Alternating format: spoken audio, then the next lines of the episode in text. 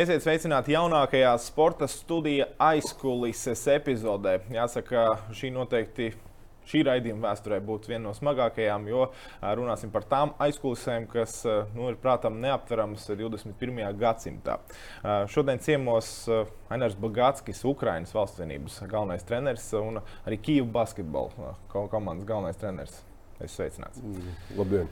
Uh, Prieks redzēt mājās. Pēc iepriekšējā reizes, kad sazinājāmies, bijāt Spānijā. Tas vēl bija piekdiena, agrā rīta stundā, kad gatavojoties doties uz kaut kurieni. Nezinu, kur nevar teikt, uz Madridi. Īsti neatceros, ko es tev pateicu. es nezinu, ka es tev runāju, kad bija agrs. Un... Ļoti grūti pēc spēles tās emocijas, un ja, tad es, es tev apsolīju, ka runāsim. Tad, nu. Bet uh, brauciens uz Madridi un uz tālāk, Madridi, ko jūs darījāt? Madridi neko trīs dienas dzīvojām netālu no lidostas viesnīcā ar Spānijas Basketbola federācijas atbalstu. Jā, un, pēc tam meklējām tās iespējas, kā turpināties, kā skatīties, kā attīstīsies situācija, ko darīt tālāk spēlētājiem, treneriem. Tad daļa spēlētāju jau tur esot Spānijā, trīs spēlētāji. Jā. Saņēma piedāvājumus, tur viens palikt, divi palikt Spānijā, varbūt ne, ne top līgā, zemākās līgās. Viens aizbrauca uz Franciju. Jā, un tad es teicu, ka nu, tomēr tā priekš Ukrāņiem ļoti svarīgi ir tas, ka viņi būtu pēc iespējas tuvāk Ukraiņai. Jo tomēr visiem, visiem spēlētājiem, stāvam, visiem palikt. Taču, nu, ģimenes locekļi, ja, un gribēju pēc iespējas tuvāk, lai tiktu viņiem. Ja, un, tad es teicu, ka varbūt es sāku mēģināt organizēt Latvijā, palikt, tad, ar, pateicoties Kasparam Gorkšam, nu, kā sporta spēļu asociācijas vadītājam un basketbola savienībai, mēs tagad atradām diezgan ātru veidu, kā nokļūt Latvijā salīdzinoši. Tad ar viņu atbalstu tagad mēs te pirmās trīs dienas uzturamies. Un arī spēlētāji praktiski visi ir izklīduši jau. Uh, ir, ir piedāvājumi spēlēt, ja, tuvāk, tālāk no Latvijas. Un daļa nu, vadības jau tagad, uzreiz nākamā dienā, vakar bija mašīnās, brauc uz polijas robežu, sagaidīt cits uh, savu tur, uh, bērnus, ja, sievu, omīti, ja, sagaidīt. Tad tagad skatīsimies, ko darīt tālāk. Nu.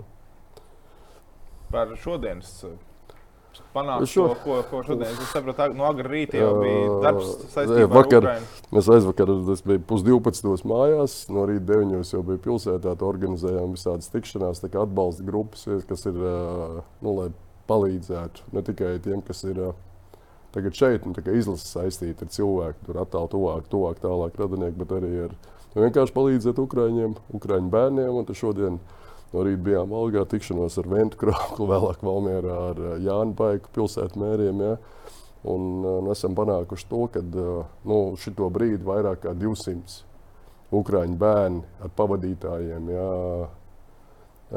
Pateicoties ar to organizē mans, mans palīgs. Nu, tā var teikt, Mihaļuk, pirmais treneris, kurš man pirmais palīgs ir Mihaļs. Un uh, Čerkas klubā galvenais treneris. Kad, uh, ļoti daudz bērnu basketbola grupas dodas šeit, un tas atbalsts ir, ka viņus uzņem, izmitina, ēdina un dod trenēties. Jā, tomēr nu, bērniem, ja viņi nevar iet skolā, nu, es domāju, ka viņi jānodarbina. Jā, domāju, nu, apstākļi, nu, tā kā internāts, tā var teikt, ka viņiem, kā viņš tikko teica, braucām mašīnā, viņš teica, ka uh, viņiem sākās nometni. Māmas brauc līdzi, tur kāda pavadītāja, tie dzīvo atsevišķi, un bērni dzīvo, trenējās, un, un izlases treneris viņus pieskatīs jā, kā, un trenēs. Ja par Ukraiņas izlasi, tad kāds aizlidoja atpakaļ, lai sargātu savu dzimteni? Jo... Treneris viens aizbrauca, vakar bija gatavs vēl viens treneris, jā, bet šī brīdī es domāju, ka tas lielākais labums ir tas, ka viņš var dot, piemēram, nu, nevis nu, riskēt. Nu, protams, riskēt, bet vienkārši, nu, protams, aizstāvēt savu zemi, viņš var tieši tagad rūpēties par to, ka viņš bērniem rūpējas par viņu kā, fizisko kondīciju. Viņš viņus atbalsta, runā ar viņiem ukraiņiski, māca spēlēt. Es domāju, tas šī brīdī no tāda cilvēka ieguldījums lielāks. Jo, ka tomēr katram jādara vairāk vai mazāk tas, kas ir jādara, tas, ko viņš prot. Jā, protams, tas neviens nav atcēlis aizstāvēt uh, savu zemi. Es nekad nebiju domājis, ka es to teikšu, kā tu teici mūsu sarunas sākumā, 21. gadsimtā. tas joprojām liekas nu, gandrīz neiespējami, bet nu, tā tas ir par kara tēmu vispār uzaugot tev. Kā jaunam puikam, vai grāmatas lasot obligāto literatūru, vai, vai no senčiem vecāki Manas atmiņas ir, ka Olmīts stāstīja, kāds bumbu patvērtnēs uh, Gavies pusē. Uh, tik labi. nu, paldies tev. Es nē, nē, es runāju par, par, par, par to, ko nodot, kāda informācija tev vispār tā tēma ir kaut kur bijusi tā, ko tu esi iedzinājies. Man bija vienīgā tēma, kas ļoti bieži vasarās, īpaši līdz tam brīdim, kamēr basketbols man vēl nekļuva par primāro manā, manā dzīvē. Es pavadīju laukos, jā, tiešām īsti lauki Tukuma rajonā Irlavā. Un, uh, tad tur Romīte kādreiz stāstīja, nu, ka viņi stāstīja to, ka nu, izgājuši, protams, cauri, kad, kā bija tad, kad atnāca uh, Krievi, kā bija tad, kad atnāca fašisms, kā atnāca Krievi, jā, kā, kādas bija tās atšķirības. Jā. Tas bija vienīgais. Bet man tajā laikā bija nu, 10, 11 gadi. Tā, man patīk ar filmu skatīties. Patīk vienmēr klabais uzvar. Un, protams, tajā laikā tas bija, kad uh, varonīgie padomu armijas karavīri piekauja nedēļīgos fašistus. Jā. Pēc tam, ka vēlāk ka kaut kāda apziņa man parādījās, sāk interesēties par vēsturi, ka tu vēlāk uzzini, ka tā vēsture tomēr ir diezgan pamatīgi sagrozīta. Jā, tur, es, protams, varbūt ar vēsturnieku man apstrīdēs, jā, bet ja, ja Hitlers nebūtu tajā laikā uzbraucis Padomu Savienībai, tāpēc nepilnu gadu Padomu Savienība uzbrukusi Vācijai. Jā. Tā kā tas saka, cik garš tik plats ir, ja, kurš tur ir. Ja, tas, ko es vienīgais savā laika gaitā sapratu, tas, ka Krievija nevienu kāru ar prātu. Jā, vienīgais tas, ka vienmēr cilvēki ir bijuši viņiem ošķirīgi, vienmēr viss tiek noteikts ar to, ka ir tā saucamā liela gabala gaļa. Un vēlāk man teica, uh, pateica, ka uh, vācieši uzvarēja karu tikai tā, uh, zaudēja karu tikai tāpēc, ka uh, viņiem pietrūka lodes. Jā, tas ir tas skarbs, ka tas ir šausmīgi. Jā. Jo nu, mēs paši atceramies, kāds ir tas toreiz tas cilvēku skaits, upuru skaits. Pamatots, nepamatots. Nu, ir jau tāds teiciens, ka veci cilvēki uzsāk karu un jauni cilvēki iet bojā. Tā kā tā kara tēma tā, tā diezgan smaga, un tagad var vienaldzīgi pateikt, viennozīmīgi pateikt to, ka nu, te ir jānostājās vienmēr, te ir jābūt viedoklim. Te nevar būt tā, ka laipot, tā kā apstāties, ka tāda liela daļa sabiedrības Krievijā, visi tie, kas dzīvoja no naudas, tie paši šaumaņi, viņi saka, jā, viņi visi nosoda karu, bet vai kāds ir pateicis, ka Putins vainīgs, Kremlis vainīgs pie kara? Nē, mēs nosodām karu, karu nevajag. Karš nav, nav labs, jā, bet vai kāds ir pateicis, kas ir tas iemesls, kāpēc ir tā, tāda situācija? No kā man no Krievijas saņemta ļoti diezgan daudz tiešām nozīmē zvanus no kolēģiem, ja, no pazīstamiem. Ja, cits raud, pasaka atvainojiet, piedodiet.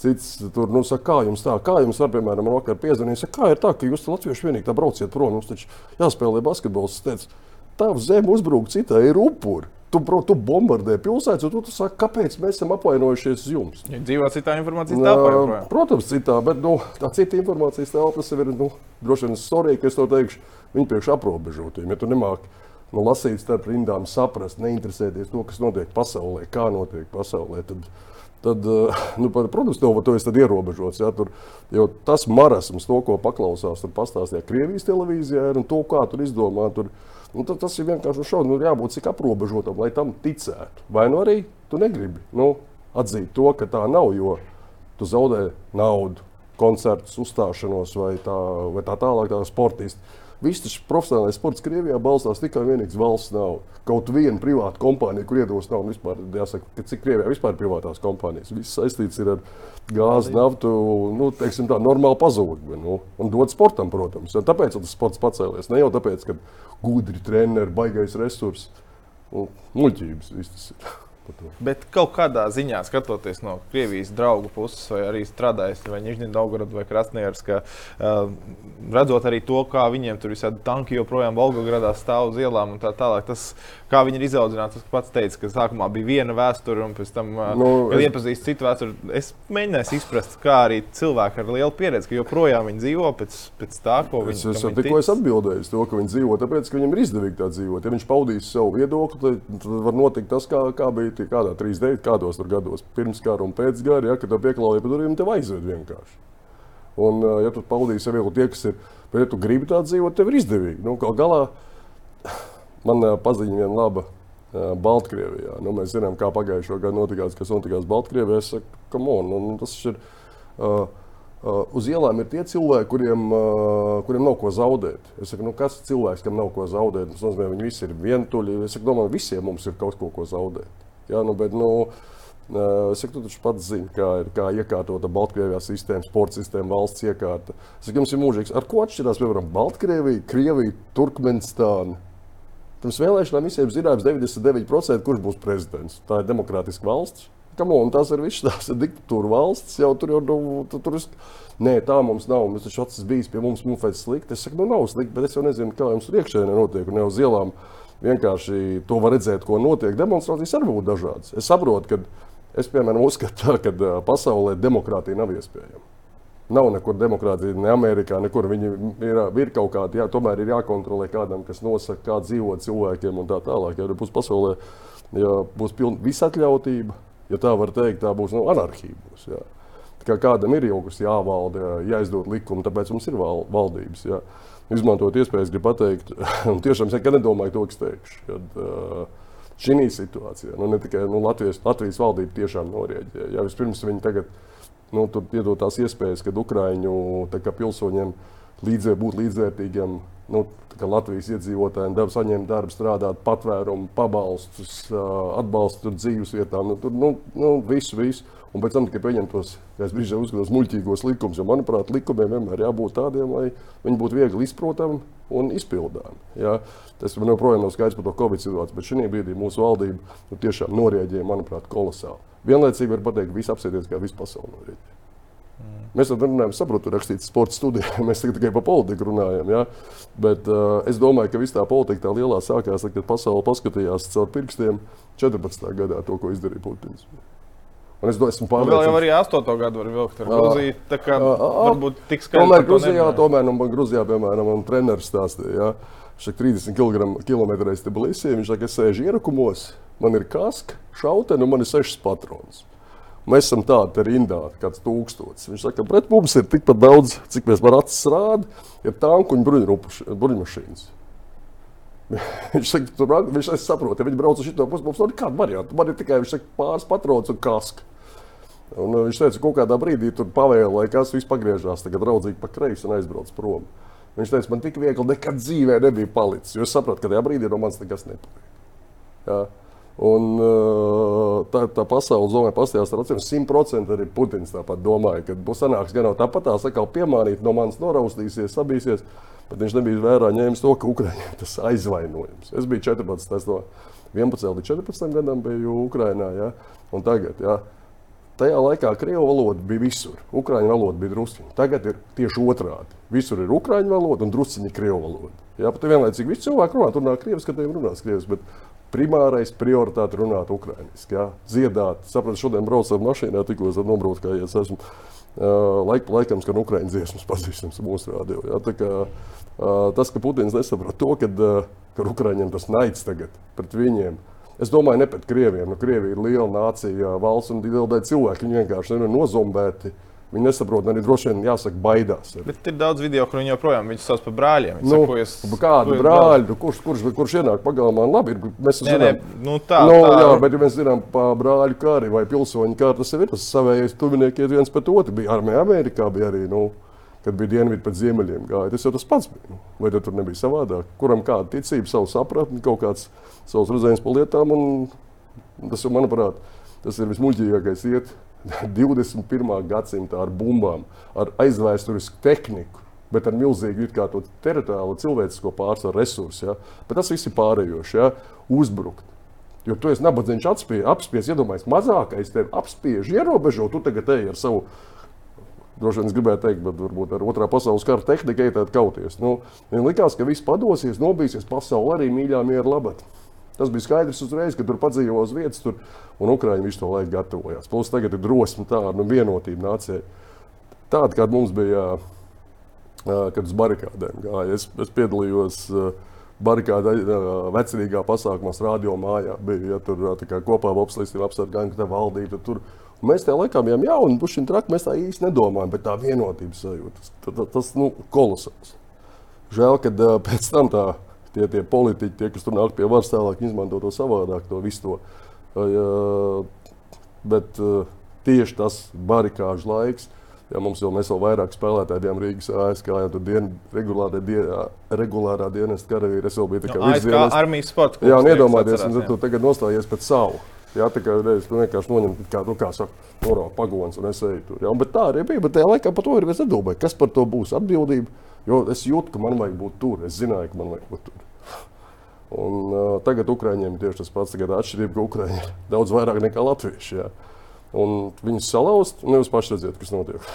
Nekāda varianta. Nu Jā, tā griba ir apgādājama. Tur ir tagad nekāda plusa, ir pasaules atbalsts. Jā, tas, ko pasauli, šitā pasaulē vajadzēja izdarīt 14. gadā. Jā, kā Putins, nu, tā Krievijas tas vārds uz haļāvu. Jā, viņš tiešām nu, noriskēja kolosāli. Viss sanāca, pasaule nobijās. Ukraiņa nebija gatava pretoties, jā, un bez nevienas šāva viņa zaudēja Krimu, zaudēja Doņets, Lugāns. Jā, un tad, nu, Krieviem likās, ka kāpēc vienreiz izgāja, kāpēc otrais nebūs. Un tagad, tagad atpakaļ ceļa nav. Nu, ar ko atšķirās, piemēram, Putins no Hitlera vai no Bin Ladena? Ar ko? Ja es gribēju jautāt tieši par barikādēm to, ka, kas toreiz bija kaut kāds. Uh, nu, nezinu, virsvadītājs vai mentors, kurš pateica, nomierināja jaunos džekus. Tagad es gribu salīdzināt ar to, kas notika kaut vai pirms spēles Spānijā, kad uh, Bagatskis ir izgājis cauri barikādēm. Kaut kur noteikti tas kaut kur nosēžās kaut kādas lietas, un tu redzi, ka tur citi, nu, nevis, nevis citi, bet visi dzīvo ar domām Ukrajinā, nevis basketbola laukumā. Nu, tur nav, nu, nav vārdi. Jā, nu, es redzu, es pirms tam bija kaut kāda nedēļa, pirms tam pēdējā, priekšpēdējā līgas spēle, jā, kad amerikāņi saņēma pēdējo, un komandā seši amerikāņi saņēma pēdējo brīdinājumu no vēstniecības, ka šodien jābrauc prom. Ir, jā. Nākamā dienā no rīta pieci aizlidoja prom.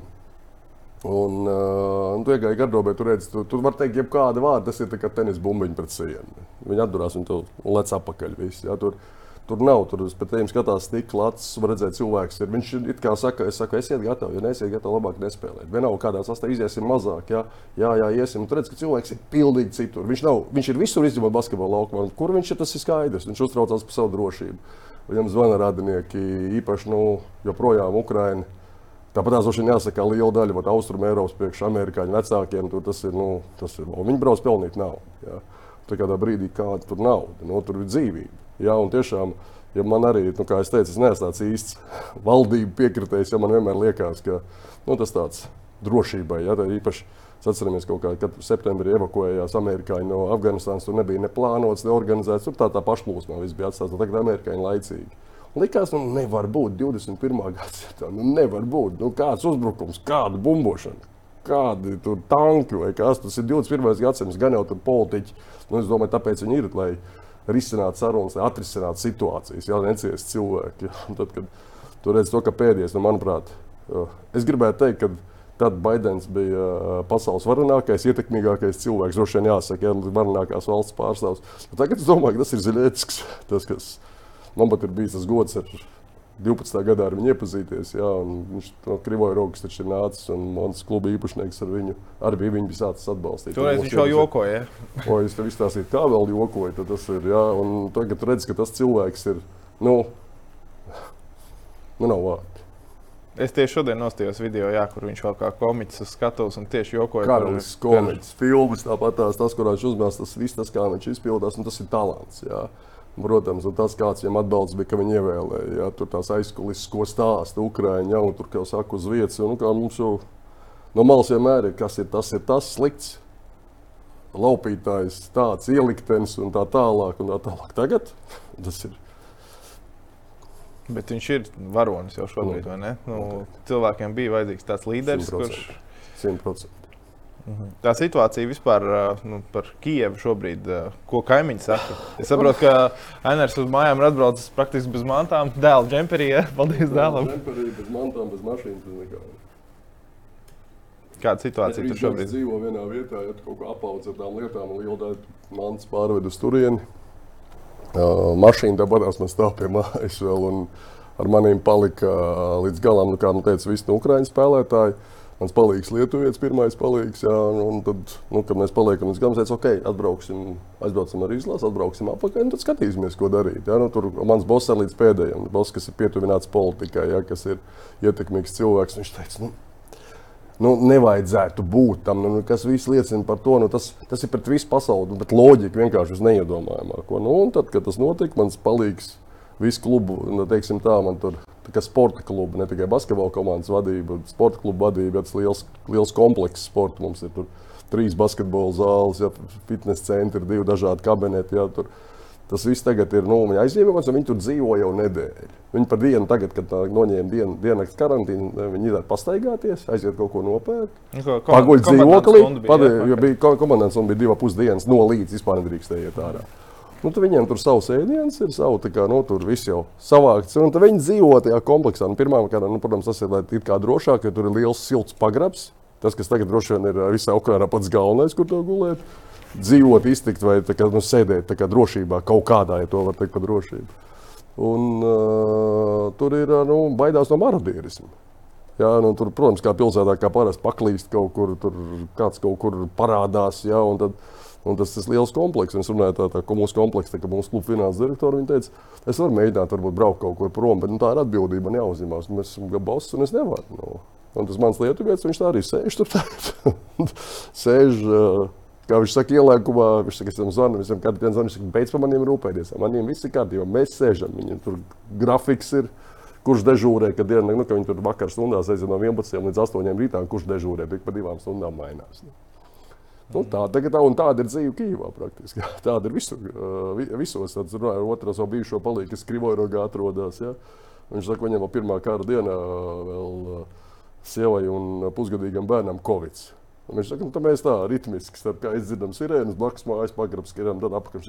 Tagad ir pieredze, es vairs neskanu, mēs tam vannas, tam iebakardējamies, nu, tā kā vanna nolika. Viņš saka, nu, mēs nevaram paskriet vairāk, arī pie, pie, pie, piekusis uztraukties. Ja. Un tā ir visur. Tā ir visur, kas kādiem sazvanos. Un tad, kā cilvēks saka, uh, strašna, nu, bail, bet turamies. Mm. Uh, es, es tev pagājušajā pirmdienā, tajā nedēļā, kad uh, sākās karš, jau pirmdienā, gan sazināmies. Jā, bet es zvanīju arī Igoram Miglniekam, kurš bija uz izlošu pārtraukumu Latvijā, bet viņš arī teica, nē, nu, pēc izlaša pārtraukuma lidoja atpakaļ. Neko neviens nav teicis. Mēs braucam pildīt savus pienākumus. Raimons, es saprotu, ka bija jau paspējis aizlidot. Miglinieks Nē, atpakaļ, Raimons trīs vai četras dienas atpakaļ iebrauc tikai Rīgā ar to pirmo autobusu no, no vēstniecības. Visu laiku man tur cieši kontakti, visu laiku kontaktā informācija no vēstniecības. Visu to laiku tur pienāca un tāda laba paziņas ir. Jā. Un Raimons ar pirmo to viņu evakuēja. Tur, tur tas nebija tik vienkārši. Viss, jā, tur, kā tas mans, tas, kas organizēja no vēstniecības, viņš teica, Un tur nāk, nu, protams, prioritāte ir Latvijas pilsoņi, pēc tam Baltijas pilsoņi. Tur tagad caur Volks un vēstniecības autobusu pārvest pār robežu. Viņš teica, tev atnāk beigās, tev ir plānots, ka atnāks viens, atnāk trīs. Jā, nu atnāk tur kādam tur paziņu vai kas. Viņš beigās pielikām to autobusu tā, ka stikls neredzēja cauri viņam. Jā, nu, ko darīt? Tikko runāja, piemēram, no nu, tādai, tādām īstām tādām kara šausmām, lai saprastu. Jā, tā kā, Tagad mums tas pirmo bērnu vilciens brauc. Tagad. Viņi Ļuvovā iesēdās, viņiem jābrauc uz Varšavu, Varšavā atcēlīt, jābrauc līdz Staipolijas pilsētai, tur baidās par nosaukumu. Nebrauksim, brauksim uz vēl tālāko. Ja? Saku, viņus tur gaida autobusu, viņiem jāpadāk tālāk, izkāp ārā, jo tomēr nu, Polija ir milzīga zeme. Tas nav tā kā, nu, tā kā Rīga, Vēnspils 200 km, ja? tur ir 600, 700, 800 km. Ja? Un tad uh, viņi saka, ka tas vilciens arī visu laiku neiet, tāpēc, ka pēdējās bija jau gadījumi, tagad pēdējā dienā trīs vilcieni iet tādi, jā, tādi kā teikt, bēgļu vilcieni. Tad uh, tas ir, uh, viņš pabrauc vēlams, ka krēslā jau ka tumšāks ir, apstājās. Ja jābrauc vēl klājumam, tad vienkārši ir gadījumi, ka iepriekšējais vilciens apšauda. Tagad tur kaut kur pie robežas arī kāds sēž mežā, vienkārši šauja un sēž paniku.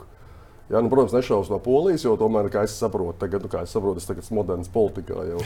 Uh, ja no polijas, no polijas kaut kas notiek, tad NATO ir visas iespējas nu, jau nu, iet un aizstāvēt. Tur, tur viens šauj uz mums, ja es tā saprotu. Nu. Un tad, ir, nu, tad tiešām droši vien sākās trešais pasaules karš. Ne, tas tā ir. Uh, par, uh tam kara šausmām, kas ir. Es ar Oskaru Bārtaļu runāju šodien, kurš arī Don Donetskā spēlēja. Toreiz Donetskā Donbass tas stāsts beidzās tieši ar 2014. gada notikumiem. Tev arī 2014. gads beidzās. Mēs bijām es... viena no pēdējām tām grupām. Mēs izbraucām, mēs nospēlējām Donetskā spēli. Mans uh, tagadējais izlasē trešais asistents, viņš bija tāds Donetskas treneris, visu aizmukuši bija. Mēs izbraucām no lidostas, no jauna lidostas. Pirms tam bija divas gadus, pirms tam bija nu, futbola čempionāts, bija pasaules, Eiropas, Eiropas kausa ja, un uh, moderna lidosta. Viss, un mēs izbraucām un pēc nedēļas tur. Lidostas vairs nebija. Viņš šajā traku gadījumā stāstīja, ka arī Latvijā hokeja, hokeja ģimenes uzņēma līdzīgi kā jūs šobrīd strādājat pie basketbolistiem, ka viena no ģimenēm bija, visi jau bija sarunāts, devās atpakaļ, bet diemžēl tur trāpīja. Uh, apšaudē, un, diemžēl, visa ģimene gāja bojā. Tā tāds bēdīgs stāsts, bet arī par Ukraiņas izlases spēlētājiem. Es skatījos, ka vairāk ir no Doņetskas vai Doņetskas apgabala Harkova. Tur lielākā daļa, daļa ir tieši no karstajām zonām. Treneris, jā, jā, tas trešais palīgs, viņš aizbrauc atpakaļ, viņš arī no Harkovas. Jā, nu, viņš teica, es nevaru, man, es gribu būt blakus saviem nu, tuviniekiem. Viņam bija darba piedāvājums Lietuvā. Jā, viņš teica, ne, tas, tas, nav, tas nav tā vērts. Jā, nu, es būšu kā nosacītā drošībā, it kā strādāt. Viņš teica, es nevaru pastrādāt. Viņš teica, ja man nav blakus tur sīvo bērnu, viņš nevaru pastrādāt. Jā, es tieši domāju, kāda ir četri, pieci spēlētāji telefonos. Nu, kā lielākā daļa pat par to Doņetsku, tas, ko rāda, ko Krievu rāda, tas ir šausmas izdomājumi. Jā, tur vienkārši ienāca Krievu grupas, ja kriminālistiem toreiz Doņetskā tev iedeva laiku izvākties, tev atņēma mašīnas, īpašumu, dzīvokļus, tev izlaika ārā vienkārši. Tagad tur dzīvo, Vat Doņetskā vienam tam savam trenerim saka, viņš tur var regulāri braukt. Nu, viņam tur pat, pat cik viņam tur radinieki ir. Viņš aiz vasarā uz nedēļu brauc. Uh, viņš saka, tur dzīvo tikai tie, tur nav jauni cilvēki. Tur ir tikai pensionāri, kuriem krievi un ukrāņi maksā pensijas un uh, cilvēki, kuriem saņem pabalstus, nu, ir valsts darbā, it kā strādā. Nu, mistiskā valsts darbā, nu, kā mēs zinām, valsts darbs viņus apgādā Krievi ar visu. Jā, nu, tas ir tas valsts darbs. Pārāk tu cilvēku nav. Un, ka viņi saka, mūs vajag aizstāvēt. Vispārējā mobilizācija tur uz simts cilvēkiem viens vīrietis varbūt ir. Jā. Tas ir tās pasakas, ko stāsta Krievijā, tur, ka viņus vajag tur apbežot. Vienkārši marodieri iznāca, atnāca, izlikt to no mājām, un tā viņi arī dzīvoja 8 gadus. Nu, pēc tam pašam strādājot Krievijas pusē, nu, Zini, iepazīstot tad... visu Ukrajinu. Un... Nu, toreiz tas viss bija savādāk. Tagad es varu pateikt, man piedāvāja trīs dienas apkārt Krievu darbu. Es teicu, iedodiet man tikai automātu un palaidiet, ka Kremlis tam apbrauc. Nu, tā tas tā ir jokam, es uz trakas iet. Kā jūs varat iedomāties ko tādu izteikt? Ja, kā var vispār kaut ko tādu? Es saku, priekš manis, priekš manis Krievija tabū strādāt kamēr šī diktatūra tur ir, ja, tas ir aiz, tas ir tabū. Nu, es domāju, ka es iešu strādāt. Viņa bija arī toreiz, kas strādāja. Vai nejūt nu, to? Vai... Toreiz nejūt, toreiz pat tik tālu neaizdomājos. Nu, uh, nu, tev viss sportists pateiks, arī es tāpēc, ka es teicu, piemēram, tie, kas ir tie pol, uh, Krievijas tie šovu biznesa pārstāvji, tie elites sportisti, ja, ka viņi laipo visu laiku. Ja? Nu, tic man, nu, ir tāds, kā es, es tāds teiciens, nu, rēķini ir jāmaksā. Arī, ja? Un tur bieži vien sportisti tic tas, ko visi saka, mēģina diferencēt, nu, ka sports nav politika. Ja? Uh, tas ir atšķirīgs lietas. Nu, es tagad saku, pilnu atbildību. Tas ir Krievijā, tas ir 100%. Jā, nu, Krievijā tas ir nu, kā viss valsts atbalsts, visu profesionālo sportu, jā, bet nu, rēķini bija jāmaksā. Tad tajā laikā tur nedomāju. Distancēs no politikas, teicu, nekādas sarunas. Un es, nu, man daudz paziņas, jā, vienmēr no iepriekšējiem laikiem. Jā. Mēs politiku vispār neesam. Citreiz, kur parunājam, nu, lielākā daļa saka, tas ir ārprāts, kas notiek, bet nu, nu, kurš tev ies publiski kaut kur uzstāties? Nu, kurš? Nu? Tagad ir vienkārši tāds brīdis, ka jāpieņem to lēmumu, nu, kurā pusē tu esi. Nu, beidz laipot, nu, pasaki, kā ir. Nu, tagad, tagad tiešām tas, jo tajā laikā nu, likās, nu, tur mēģināja vēsturiski krievi ar faktiem pierādīt, nu, Krīma tā taču nav. Nu, tā taču ir Krievija. Nu, Galu galā, nu, varbūt tā ir Kaļiņģerada, tā ir Vācija. Nu, atdod Abrēnu, tā ir Latvija, atdod mums to. Ja tu paņēmi savu, nu, tad atdod pārējo. Tādas ir tādas salas. Ja. Tā varbūt teica, Ukraiņā arī tagad gal galā ir uh, Ļuvova, ja tur ir Ivana Frankovska. Tā ir Polija. Atdod to Poliju. Ne, Ļuvova noteikti Ivana Frankovska. Ja. Un, jā, es vienīgi domāju par, par to politisko sportu un politikas situāciju. Ta, ta, tagad to, ko paņems Kalašņikovs nobraukt ar Kremlu, to teica aģentam, kurš piedāvā vai klubu? Aģentam, aģentam. Savam aģentam. Es teicu, pasak viņai, okay. iedomāju automātu, un tad,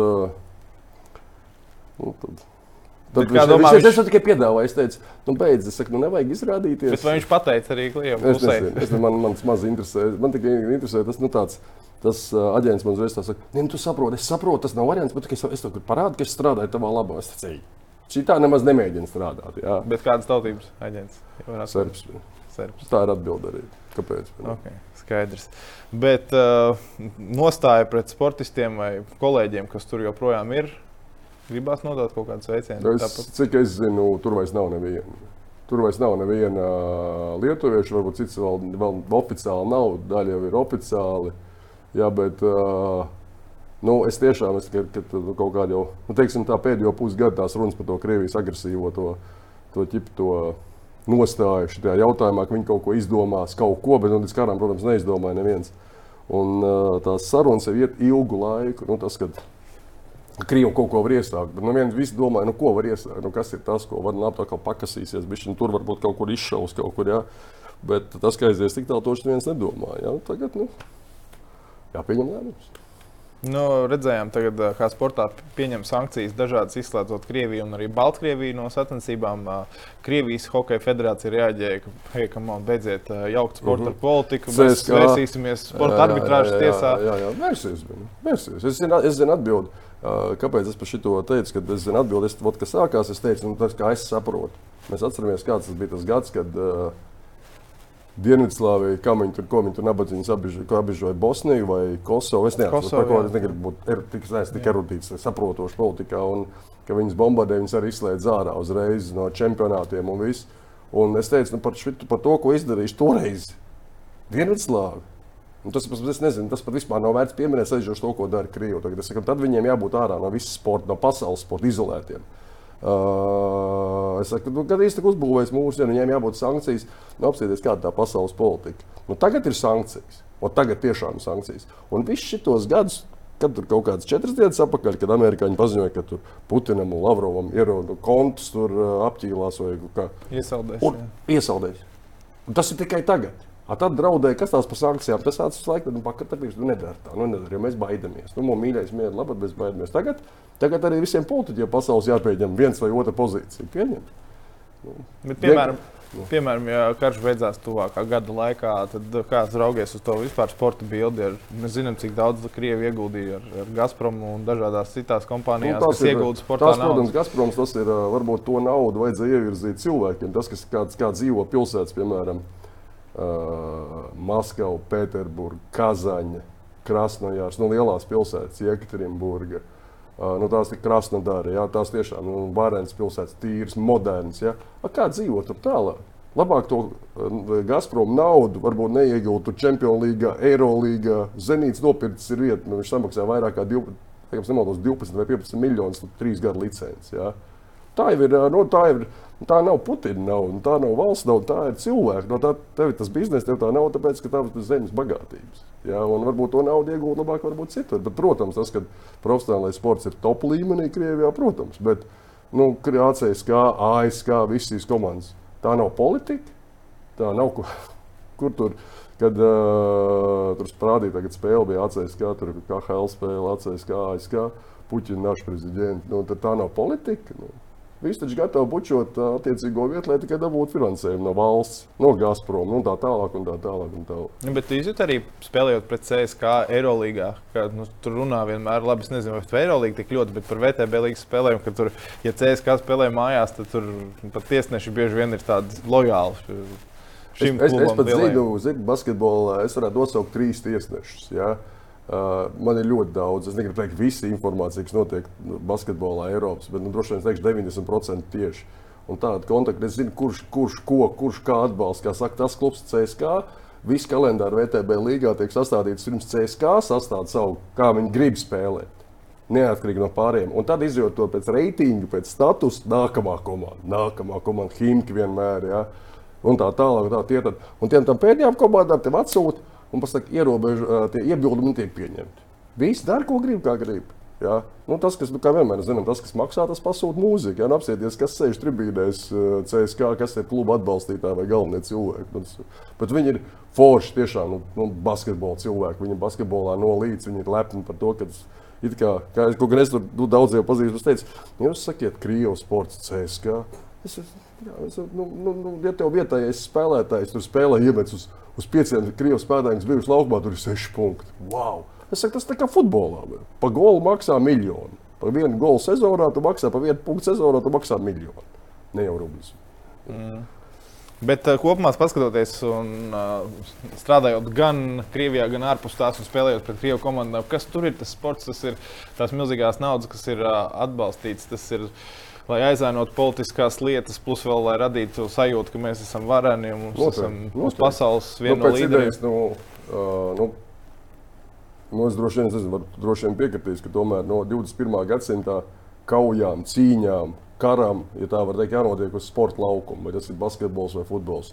Un kur ir vēl labāka vieta, kā apsēsties, kā visas valsts, ir ne tikai Krievija, Amerika, ka visas lielās valsts investē sportā investē, lai parādītu, ka mēs esam tādi wow, vareni, tādā laukumā mēs uzvarējām tos, mēs uzvarējām tos un viss kā to pasniedz. Tas ir tāds, nu, tāds tiešām tas, tas 21. gadsimta kaut kāda kariņa sev uzvarējis. Jā. Uh, nu, tomēr pasaulē, nu, apskatieties, lielie klubi, citi ir privāti īpaši, nu, ir, ir uh, privāti fizisks personas, ir klubu vadība, uh, lēmēji, sponsori vai, piemēram, Barcelona, tur vai liela daļa, basketbolā arī Minskena, Minhen, kur no futbola nauda ir iekšā. Jā, tas ir savādāk. Jā. Nu, Krievijā nu, nav neviena, nu, neviena kluba, kur nebūtu valsts nauda apmēram 80% apmērā. Nu, nav neviena. Tad tas, ir, tas nav, tā nav politika. Nu, tev ir jādara tas, ko valsts, kāda valsts politika tev tā ir jāizpauž. Protams, tur ir prasa rezultātu, tur pērk rezultātu. Es saucu tā, ka es ar savu pieredzi, kā es saprotu, nu, piemēram, ja tavs budžets līgā ir kādreiz tavu kolēģi teica, ko tas Ainars skatās budžetu? Es kādreiz spēlēju, biju Valmjerā, spēlējām pret uh, Rīgas ASK. Viņiem izšķirošā sezonas pēdējā spēle, izšķirošā spēle. Viņiem, uh, viņiem uh, 11. komandas spēlētājs maksāja man pirmie septiņi. Mēs viņus uzvarējām. Nu, Man tomēr tic, man, man ir baigais lepnums, ja, ka mēs esam biezos apspēlējuši. Ja, laikā es jauns treneris, pirmo gadu strādāju kā treneris. Ja. Pēc tam tas pats, kad es Valmērā spēlēju pret Vēnspili. Salīdzinoši tā ka Vēnspili spēlēja finālā ar Baronu. Uh, es neatceros, laikam Vēnspils uzvarēja 4-3. Laikam to finālu. Ja?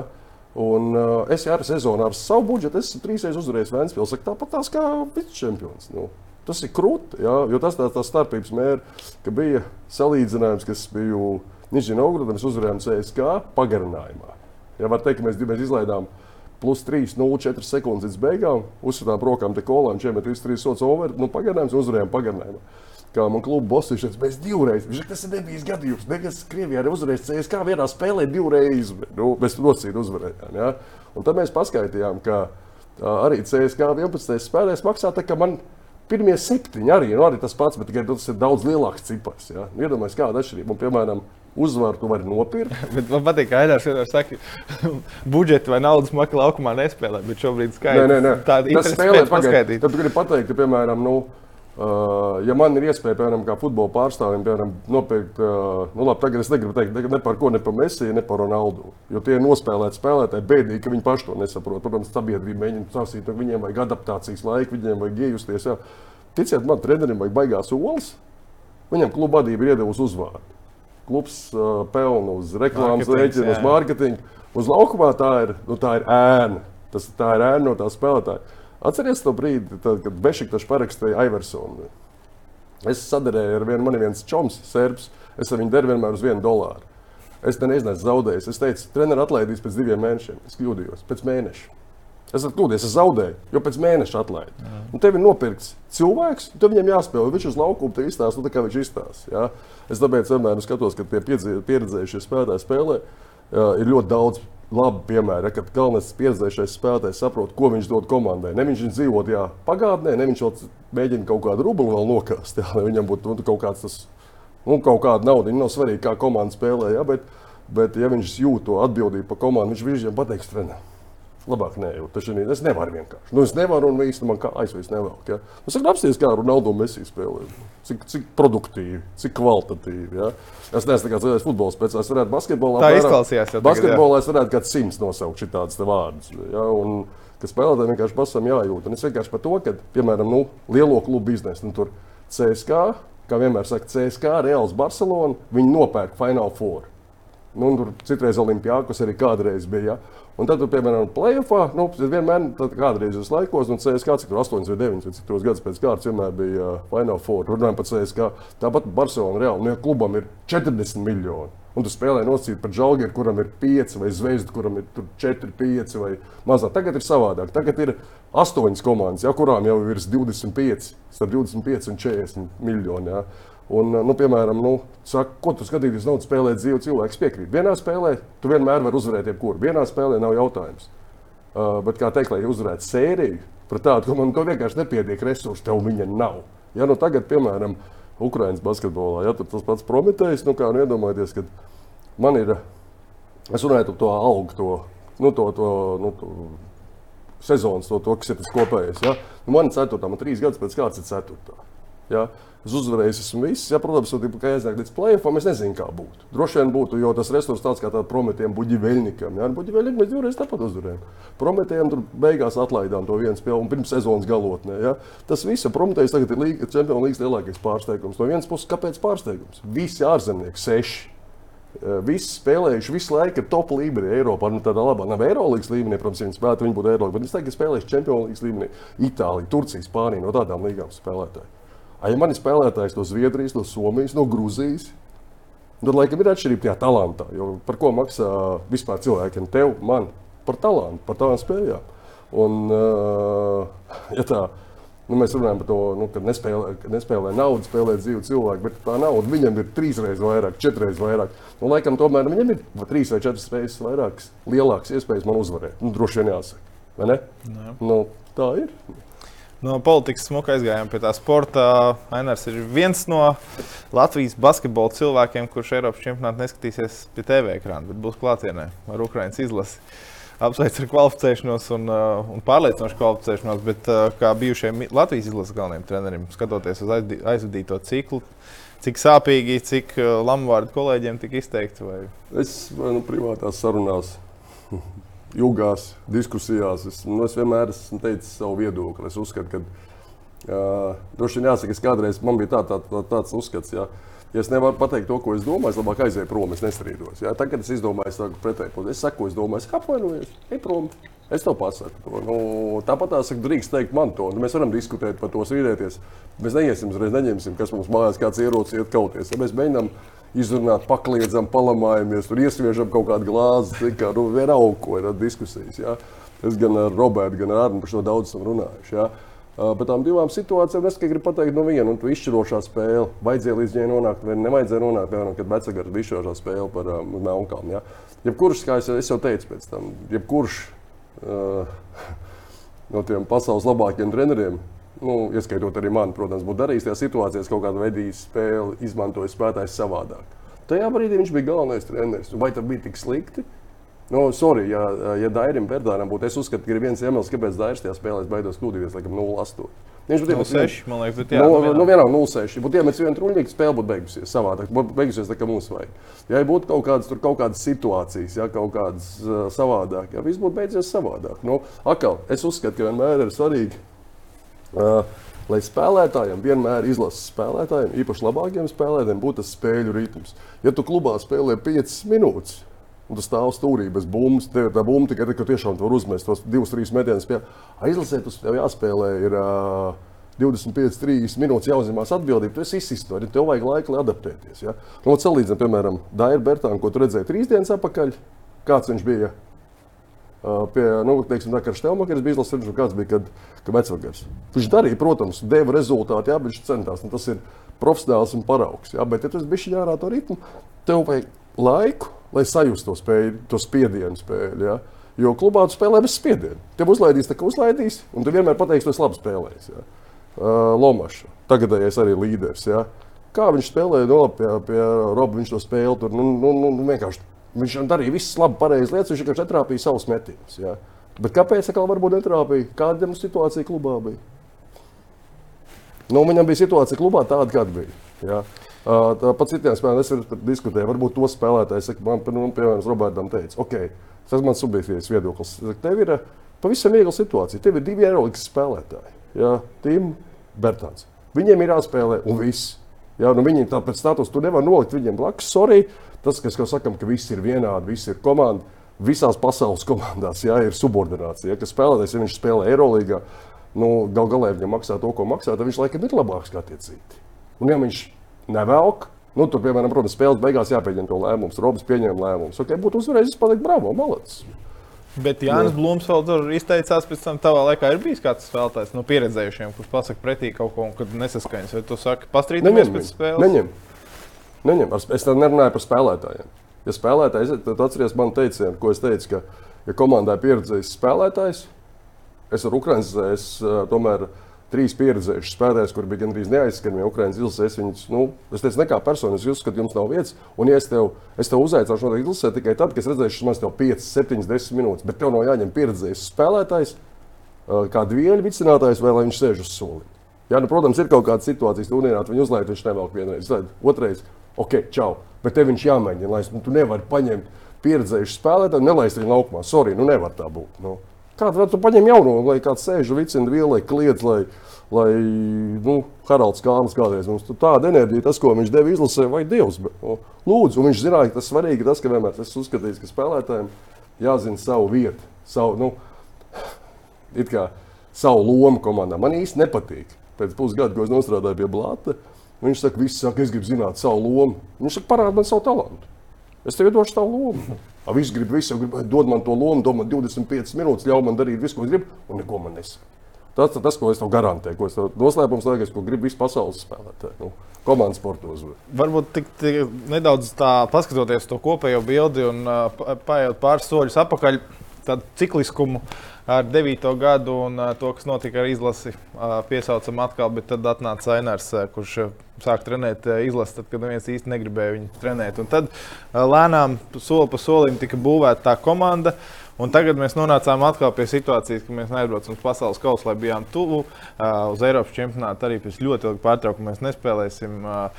Tas arī bijām tuvu. Arī bijām tuvu, bet uh, skatoties to, kāda spēlētāja, kāda ir līguma, kur mūsu spēlē un tā tālāk, vai, vai tas nav nu, kā, veiksmi stāv klāts un visu lietu kopums nostrādātiem, tiem, kas ir pelnījuši. Nu, tad acīm redzot, kaut kur, kaut kādā brīdī, vai esam pārāk augstu degunu pacēluši, vai Kā, kā tu raugos uz šo situāciju? Es nezinu, varbūt. Kad man prasīja nu, no Savienības, ko es domāju par es teicu, kāpēc ne? Kāpēc ne? Nav neviena iemesla, kāpēc būtu tikai cilvēkam jābūt, kas saprot, kas kaut ko ir sasniedzis. Ja, kuram jāsaprot, tas ir risks. Ja, jo tomēr nu, mums ir resursi, tomēr, nu, nezinu, vai ir daudz valsts, īpaši pagājušajā gadā, cik mums bija NBA spēlētāji, kad Pasečniks vēl tur bija. Ja. Nav daudz valsts, kuriem ir četri NBA spēlētāji. Ja. Labi, divi tur epizodiski spēlē, bet divi ir reāli spēlējuši. Viens no viņiem ir uh, superzvaigznes ar tādiem līgumiem. Ja.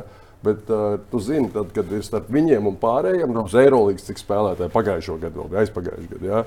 Bet tu zini, ka tev sezonas laikā reāli tur viņiem praktiski, kad ir tie logi, tur viņiem nevar rēķināties. Tur, tur jābūt, nu, tur jāsaprot arī kāda treneri. Ja, ir, uh, īstenībā, kā, kā es uzskatīju, ka toreiz, kad Latvijas izlases sāku, es nevaru neko zaudēt.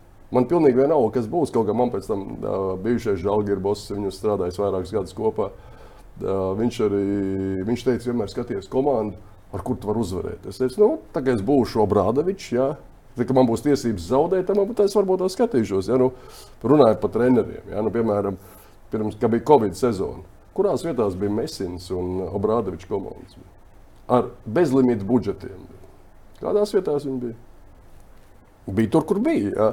Tā ir runa par treneriem. Tas, kas vajadzīgs Latvijai, bija treneris, saprotoši, kas spēj adaptēties situācijā. Es domāju, ka ļoti trenerim, ļoti bankai palīdz uh, Visockis un Gailīts. Ja? Nu, viņi tomēr zina tos spēlētājus no nu, jau ilgu laiku.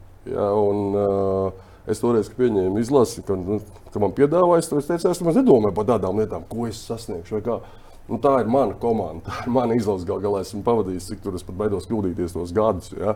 Un sasniegšu, es, es zinu, neraugoties to, kas bija jaunais gurķis kā treneris, jā, nu es zinu, kas jādara. Tas ir tas tagad, es savu pieredzi, protams, salīdzinu man kā trenerim. Tāda un tagad tie ir divi dažādi cilvēki. Bet man es nebiju slikts tajā laikā. Jā, ja būtu tas, ir, es uzskatu, viena no galvenajām lietām vispār profesionālā, ne tikai vien dzīvē, ir pieredze. Es domāju, ka pats atceries, kāds bija 5 gadus atpakaļ, kāds sorry, gurķis vai salīdzinoši šodien. Un tāds pats arī bija 5 gadus atpakaļ. Nu, tas ir tas, ka tu gribi. Tev ir vēlēšanās tur analizēt, mācīties, progresēt. Jā, nevis tā, ka sēdēt, oh, man labi, tā kā ir labi, un tad arī paliec. To, tur es atkal nocitēšu. Jā. Uh, beigts treneris ir tas, kas pārstāj mācīties. Jā. Tā ir. Tas pat treneris ir runa. Mm -hmm. Nu. Labi, bet uh, tagad par spēlētāju lomu, ko pieminēja. Uh, vai tas arī nebija tagad, uh, sācis, aizgājis jau varbūt tik tālu, ka pat ne, nerunājam tikai par basketbolu. Ir dzirdēts arī citos sporta veidos, ka spēlētāji jau uh, paskatās, cik viņš, uh, kāds ir viņa līgums, iespējams. Viņš jau jūtās vispār uh, no citas līgas savā ziņā, un tad atnāk, uh, atnāk izlase, un tad sākās runas tur man tik minūtīts, vai tur manas aģents. Tā, tā tālāk. Tas ir smieklīgi. Tā ir, Tagad bet, ar manu pieredzi. Bet saskāries ar to jau savā jā, laikā. Es tas nepatīk. Ir. Es mēģinu vienmēr visiem spēlētājiem, kādreiz, kad mēs satikāmies, mēģinu izstāstīt to lomu. Ja, bet tas, kas man tiešām paveicās tajā laikā, nu atcerieties to pašu 11, 13, 15, pat 17 gadu. Cik mums bija Eirolandes spēlētāji? No 17. gadā mums bija nē, nē, nē, nē, nē, mums bija NBA. Nu, tas nav no rādītājs. Jā, jā, nu, ok, tas ir. Nu, tur, Uh, su, mums bija super. Uh, Strēlnieks nebija mm, toreiz. Nē, nu, viņš pirms tam bija Bambergā. Mm. Jā. Uh, nē, viņš 17. gadā aizgāja uz Bambergu. 17. gadā. Pēc 16. 16. 17. viņš nospēlēja Bambergā. Mums bija centra spēlētāji. Es domāju, ka 17. gadā, piemēram, atstāsim maliņā. Bišķiņ. Jā, bet iepriekšējos gados mums bija Eirolandes spēlētāji. Tas, kas man jāsaka, Es to pats saprotu tikai tagad ar savu kaut kādu pieredzi, ko esmu pavadījis profesionālā sportā kā treneris. Spēlētāji vienmēr ir sava taisnība. Ja? Spēlētāji, es pasaku, es biju tieši tāds pats, es nepratu novērtēt. Un spēlētāji neprot novērtēt to, ko dod treneris. Tas, kas notiek ar viņu, mēs visi esam vairāk vai mazāk egoisti. Individuālā sportā ir vieglāk. Nu, kā Mārcis Bružiks teica, vieglietīgi, tāpēc ir. Visi saprot, tas ir vienkārši. Aizliec tālāk, labākais, uzliec augstāk, labākais. Ja, un tā tālāk, un tā tālāk. Basketbols, komandas sports, tā ir specifika, tas ir egoisms. Ja. Tic man, komanda, katram ir savs ego, lielāks, mazāks. Šito runājam, nu, tur pakļaut savu ego aizmirst to. Tie ir tikai vārdi, to, ko visas pasaules zvaigznes. Man, ir, man ir svarīgi, lai komanda uzvarētu, es esmu gatavs neko. Tas viss ir blefs. Ja? Visi mēs esam ar savu ego, un visi mēs domājam, kā tikai man sevi izcelt uz tā komandas. Un tāpēc arī es vienmēr uzskatīju, ka komandas sports ir grūtāk nekā individuālais. Ja? Uh, manā gadījumā tas viss ego jāsliek. Uh, bet, vienlaicīgi, bet vienlaicīgi ir kaut kur, un trenerim vajag vienkārši atvainot izteicējiem olas, lai to beidzot, varbūt pat liekas komandas lielāko zvaigzni, un tu redz, ka viņš, nu, tā nav viņa diena. Nu, ir. Nav, nav viņa diena, viņu vajag nosēdināt malā, iedot mazāk, nu, nosacīt kaut kā, novirzīt to. to ja tā pateikt, to uzbrukumu, piemēram, viss, kas ir basketbola talants, tas ir spēlētāja, spēlētāja talants, tas ir uzbrukums. Aizsardzība, gribas spēks, vēlēšanās, īstenībā, cik jūs paši redzējāt, cik daudz rāda NBA šaumeņus aizsardzībā. Ja? Nu, tur, tur pat, es domāju, tur komēdijas var uzņemt. Ja? Un, bet tu tas spēlētājs tev uzbrukumā, nu, ir neaprakstām talantīgs. Ja? Nu, viņš dod tev tiešām, vai tas kompensējās, vai arī tā ir cita lieta. Es kādreiz man biju. Uh, nu, vairāk spēlētājs, bieži vien es skaidrs, ka spēlētājs man oh, treneru, ko jūs man sakiet, es tur iemetu 21 punktus, es saku, statistiku. Epizodes izgriežam caur tevīm tikai tāpēc, ka tu biji konkrētā situācijā piedalījies. Tu biji blakus viņai tieši vai netieši viņu saistīts, ir 34 punkti. Nu, tu iemet 20, bet summā man ir mīnus 14, pateicoties tev. Jā. Ne, tā nevar būt. Saka, skatāmies, analizējam, rādām. Ja? Man bija, kad strādāju Krievijā, man bija viens MBA spēlētājs, un tiešām superīgs. Un es vienīgo pirmo minīgo reizi video sesijas laikā uzšāvu pa pakausi. Viņš tur ir nu, tas ir basketbols. Viņš izmet 1,11 metienus. Būtu iemetis 2,11. Es saku, ok, man, man maz interesē tas tur. Tev ir viena izcīnīta bumba, ar tevi viņa savā trīs uzbrukuma bumbas, tev ir četras kļūdas vispār. Jo viņš jau sēž uz koferiem, viņš jau domā, kā brauks mājās. Un es tad uzšāvu pakaļ, pagriezu galvu, tagad, tagad tu skaties. Tagad tu skaties. Tiesā neies. Un, uh, pamēģini. uh, skaties, rādīja bakstīviņu, ja, un uh, viņš nerunāja, mums pēc, pēc dienas bija atbildes spēle, Sanktpēterburgā spēlējām. Viņš nospēlēja tikai divas. Es saku, skaidrs, es saku, tu, Es tev tagad pirms katras spēles iepļaukošu. Nē, nē, nē, nē. Un viņš pēc tam atzina, ka ir labākais. Es biju NBA, šis labākais treneris, kāds man ir bijis. Jā. Kad uh, Trejs Tompkins, tas, kuru, tas, kurš reālā, kurus paņēma par šitā daudzi, kurš tagad nopelnījis tik daudz, kurš sauc man par otru tēti. Jā. Tas, es saku, lielos, protams, viņš jāpalielinās. Tas, kad man slapjā dikcija spēles laikā, kad es viņam kaut ko saku, es pats redzu, viņš tikai yes, yes, yes, no, nu, viņš to taisa. Ja, tas, nu, tas ir daļa no sporta. Ja. Tas ir mans kā treneru uzdevums, ir tos ego visus salikt kopā un izmantot tā kā vajag komandai. Vai tas spēlētājiem patīk vai nē. Kādreiz es tiešām es, es spēlēju, mēģināju atrast, nu, nu, vai tu labi jūties, vai tu varēsi izspēlēt to tālāk. Tagad Tu nāc, tu vari, nevari, ej prom. Es saku, nekaitini man, nekaitini komandu. Nevar, lūdzu, nebūs tu, jo es no savu pieredzi saprotu, labāk ir vesels spēlētājs, motivēts spēlētājs, agresīvs spēlētājs, nekā varbūt daudz lielāk apveltīts, bet, nu, bet sliņķis. Kad, bet kad mainījās šī, šī filozofija, kas ne, neauklēšos? Bija tāds viens brīdis, kad desmit gadi, kad nostrādāju. Nē, es, es nekad ne, nevaru teikt, ka esmu auklējis. To var arī, kā es, es uzskatu, ka tas ir vieglākais, ja tās, serbi, tas ir un arī daudz treneru Eiropā. Staigās spēlētājs kaut ko prasa. Man neko neinteresē, kur saka, spēlē, spēlē agresīvi. Spēlē. Viņš saka, spēlētājs saka, ok, kā spēlēt tur tajā, tajā situācijā, aizsardzībā. Ir lietas, kas uzskata, ka kaut spēlētājiem jāzina, kas jāizpilda. Tur nav, nav, nav izvēle, ir jāizpilda viena lieta aizsardzībā, piemēram, ja, un tā jāizpilda agresīvi. Man vienalga, kā tu darīsi, tikai dari agresīvi. Un staigā šitā. Tad tu beigās vienreiz paprasti jau pasūti, otrreiz turēji klāt. Tā ir lielākā daļa sērbu treneru. Staigā, nu, tur viss. Un uh, es vienmēr izrunāju, parādām. Protams, tā kā man jārunā jau mēnesī ar vienu spēlētāju piecas reizes. Es saku, nekā, pirms sezonas vienmēr pasaku, var izlasīt, veidot, vai nestrīdamies. Es tev paņēmu, tāpēc, ka man vajag to, to, to, to nu, kā talants, izmantošu minūtes apmēram, ja tur kaut ko kā sanāks, attieksme, bla, bla, bla. Un spēlētājs nedod, ka man, es saku, sorry, es nesodīšu. Es saku, man vieglāk ir atlaist, jo tu čakarēsi, ne tikai man, tu čakarēsi sevi, es, saku, es tev atradīsim, palīdzēsim, laužam līgumu, ej, super, es būšu priecīgs, atradīs labu darbu un tā tālāk. Daudz spēlētāju Man vienu spēlētāju no Eiropas, kas pie manis spējas, ko esmu atlaidis. Jā. Slikts attiecības. Pat spēlētājs, kas pirmais mans gadījums bija Buļbuļsakā. Mēs paņēmām spēlētāju. Uh, es neatceros, kādā līgā viņš spēlēja Vācijā, vai kur ar labu statistiku. Amerikānis agresīvs, ar galvu līdz tīpai var aizlikt. Ja? Un iedomājieties, kaut kāds pirmais pazīmes bija tie pirmie divi mēneši, ka viņi pat amerikāņi, man komandā četri citi amerikāņi, un viņi viņu nerunā. Un tad spēlē CSK, mēs spēlējām Eirolandā ar CSK, mēs zaudējām 5 punktus. Un viņam bija uzdevums, viens saka, man vienalga, uzbrukumā, uh, kad CSK ir uzbrukumā, ko dara tie tur. Man svarīgi tas, ko darīs tev dosiņš. Tu sēdi tev dosiņš, skaties acīs. Spēlē, lai viņi spēlē 4-4 pret viņu. Uh, kaut kādā sestajā spēles minūtē es baidos kļūdīties. Tur tā bija, kad tie dosiņš bija 11 punktus. Ja? Nu, viņš, viņš kaut kur, viņš pēc spēles sēž manējais, Amerikāns iemet 21, mums beigās mīnus 4. Jā, pēc spēles teica, viss pietiek, es saku, es laužu līgumu. Nu, viņa, viņš saka, kā aģents, viņš jau ir CSK. Es saku, tāpēc, ka viņš bija uz laukuma, es zaudēju tas, ko es teicu, daudz vairāk. Viņš saka, nu, nevar lauzt līgumu, maksājot visu. Es saku, ok, aizmirstam palaušanu. Aizmirstam, nelaužam nekādu līgumu. Uh, rītā sešos no rīta treniņš ar fizisko treneru. Deviņos otrs. Es saku, gatavosim viņu playoffiem. Viņš fiziski vājš, gatavosim playoffiem. Basketbola treniņš bez bumbām. Un tas, uh, nu, mēs uz nākamo braucienu ar Eirolandes, kur pa Ukraiņas spēlēm.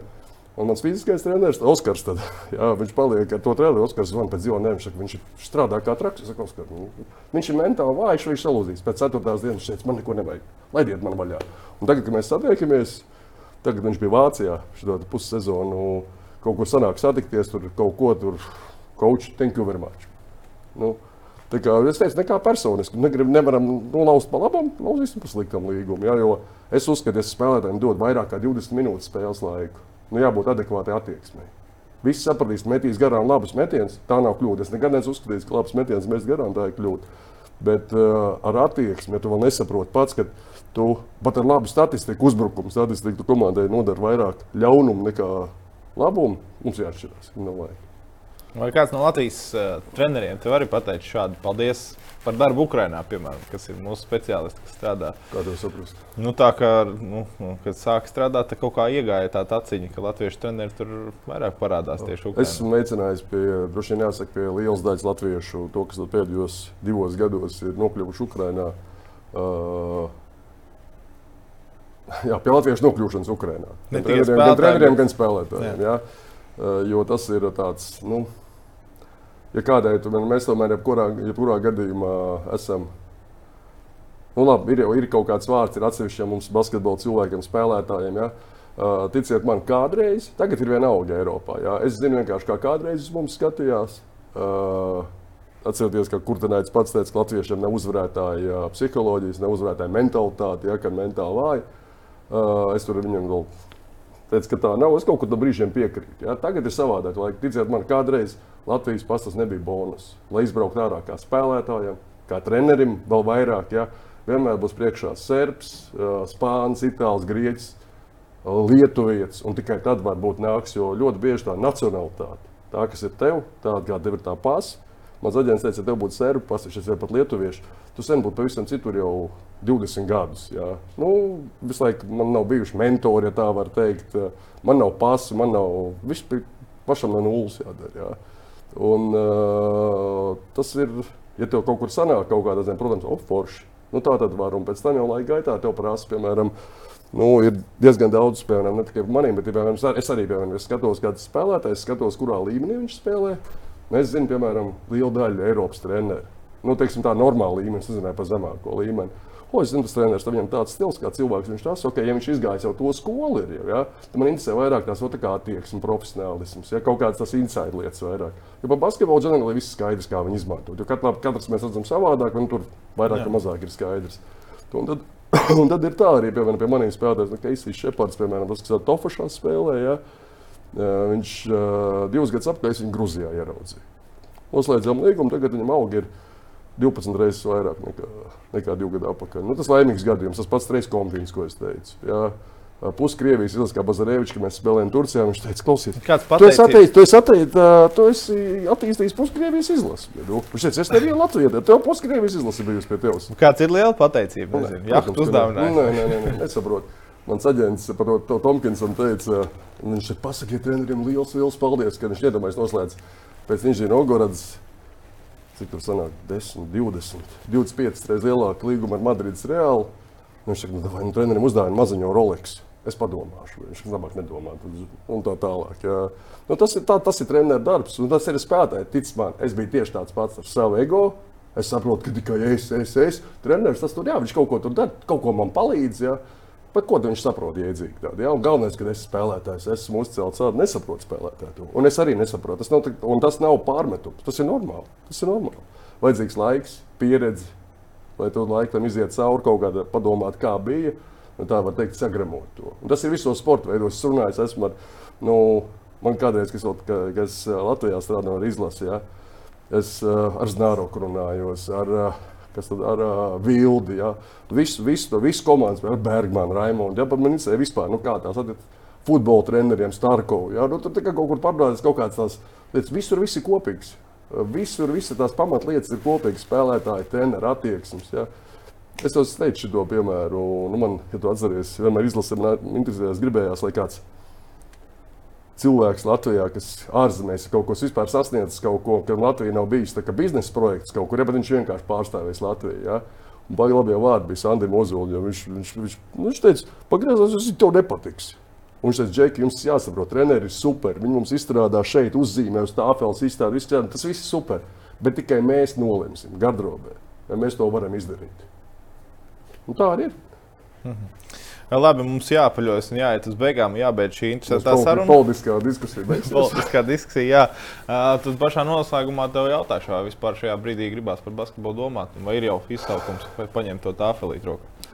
Nu, es godīgi tagad neredzu, tā kā man tikai vakardien, šodien bija. Es zinu, tas, kas man jādara rītā parīt. Es gribu indēlos treniņus aizvadīt, pastīties, kā, nu, kā man dēls atjaunojās pēc, pēc traumas un viņu patrenēt, ja pamocīt bišķiņu. Uh, es tagad nevaru iedomāties. Vat kādu nedēļu es zinu, kad, kā man būs, man arī tagad. Nu, Man ir nolikts viss maliņā, man ir līdzi tas, ka man ir līdzi, ja, protams, nu, par badēju basketbolu, tur visiem pierakstiem, man kaut kur analīzes ir. Ja. Man ir pieeja visām Eirolandes, visām Eiropas, Champions League, tāpat man kausa izlašu spēlēm. Ja. Es tagad nevaru iedomāties. Man gribās, ir pāris spēles, ko man gribās. Ja es zinu, ka man jāapstāsta, viņas atrod laiku, apsīties. Pat tuvākās 2, 3, 4, 5 dienas. Nē. Pēc tam es domāju, ka man tas ir viss ļoti ātri pārējošs, ja man basketbols. Droši vien jāsaka, es tagad varbūt to saprotu, saprotu vārds, kas man kādreiz ļoti tūs cilvēks teica, ka tev primārais ir basketbols. Ja? Nevis kā mēs sakām, ģimene, tur tā. Droši vien man visu dzīvi tā ir bijis, un tas tā ir man. Man pat viens bosiem, kas klausās, no pornogrāfijas kaut ko citu, nu, par meitenēm pornogrāfiju. Tikai basketbols un basketbols ir. Es neticu, ka es ilgi iztikšu bez basketbola.